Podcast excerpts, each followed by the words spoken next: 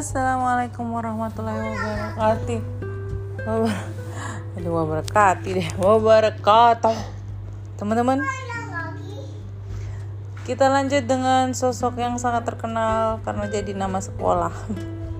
Siapa lagi kalau bukan Salman Al Farisi, ya kan? Di sini namanya jadi Salman Al Farisi.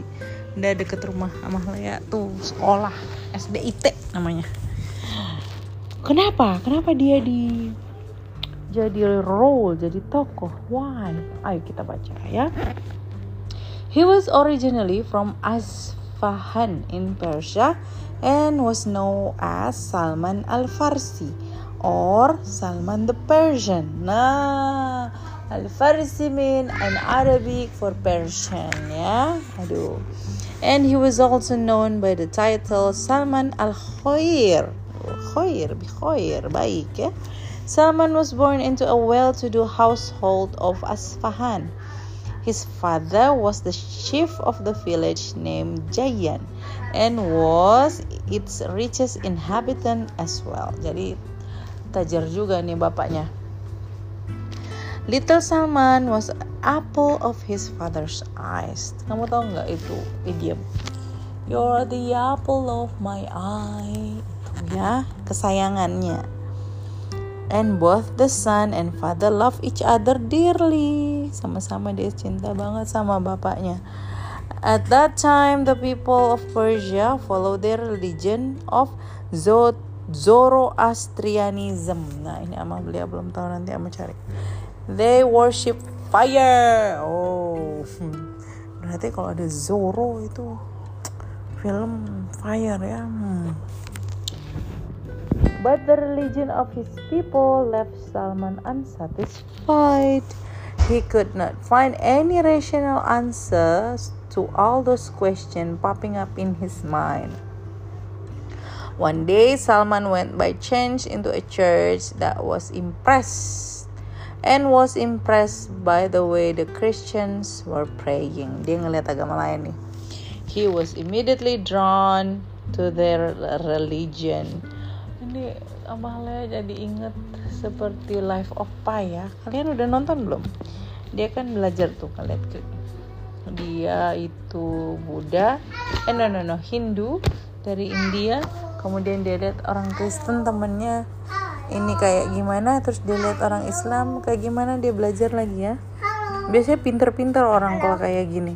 Dia uh, uh, punya why gitu dalam dirinya yang mempertanyakan. Jadi ini nih Amalia pengen kalian punya why di dalam diri kamu supaya tidak uh, menerima secara gini memang oh menurut Amalia agama Islam itu doktrin betul tapi ketika kamu didoktrin itu That's why kamu harus punya why gitu. Dan agama Islam nggak cuma didoktrin doang gitu. Agama, agama Islam itu terserah sama apa? Hidayahnya Allah. Kalau Allah kasih hidayah sama kamu, otomatis kamu akan tetap stay di jalan itu ya. Jadi oh, ketika di situ doktrin tidak bekerja gitu. Karena banyak orang yang hafal Al-Qur'an yang punya adab-adab seperti orang Islam tapi dia tidak sama sekali tidak percaya gitu.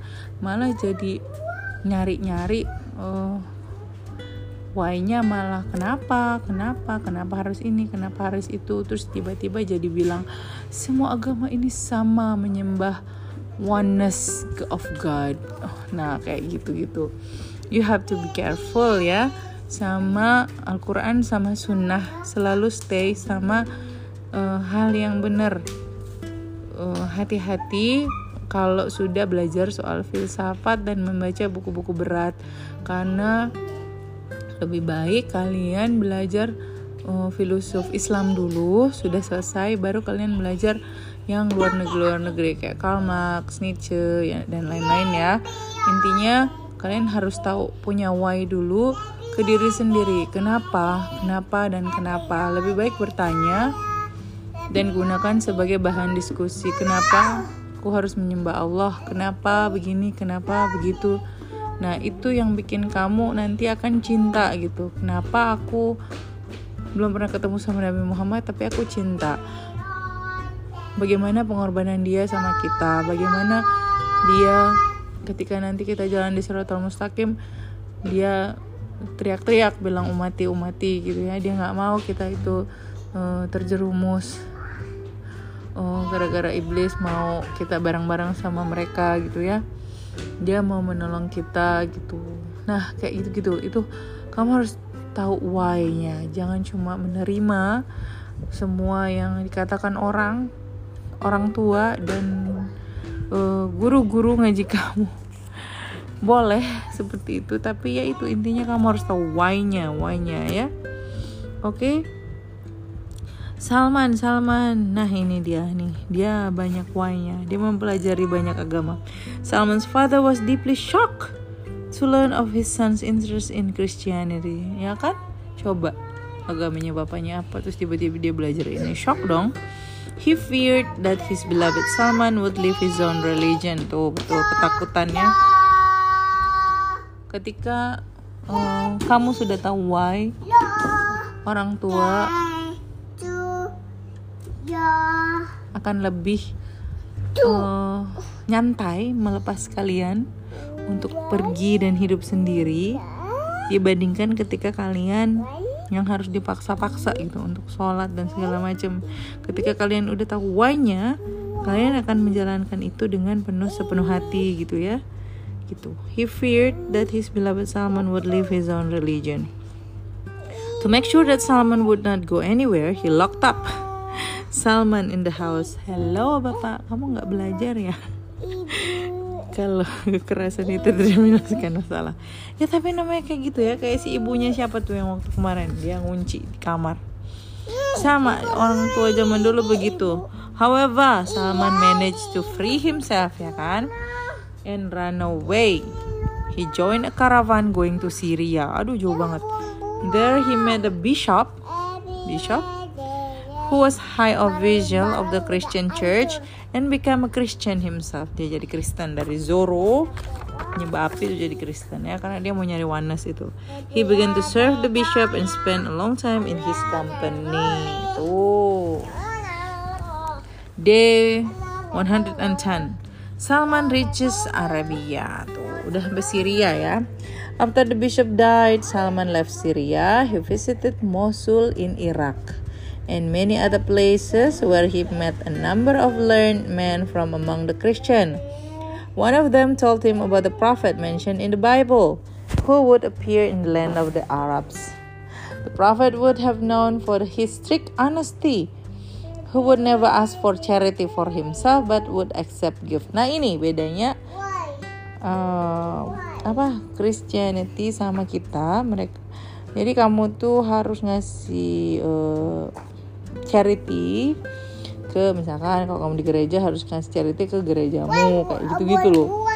Nah kalau di Islam ya nggak ada, ada ya sedekah tapi nggak dipaksa kan. Hmm. Someone wants want to know more about the whole matter, so he decided to must he must go to Arabia. One day, Salman found that a group of Arab leaders from the tribe of Ka'ab Kalb was passing through Amuriyah where he was at the time. Ih, jadi dia ini melanglang buana banget ya demi nyari agamanya. Ini kayak bapaknya siapa? Said ya, yang Hanif itu. He offered them all the money he had to take him with them to the land of the Arabs. They agreed and he handed the money over to them.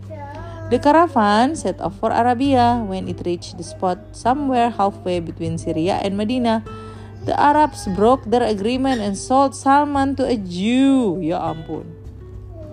Dia dijual ke Jewish.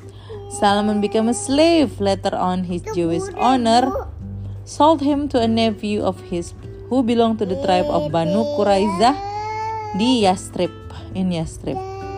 In this way, Salman found himself in Yastrib. Salman found life in Yastrib Yatrib very hard. His new master burdened him with many harsh tasks and treated him worse than an animal. Ya ampun, coba lihat tuh ya. Aduh, Nuna. Jangan dong. Nih ya, dia malah diperlakukan nggak baik ya ampun. Baik. Jadi dia dari Baik, Ibu. Orang kaya terus dia nyari agamanya sampai mi- memilih agama Kristen kemudian dia dijual ke seorang Quraisy yang bikin dia slave. Oke, nanti kita sambung lagi ya soal Salman Al Farisi di cerita selanjutnya.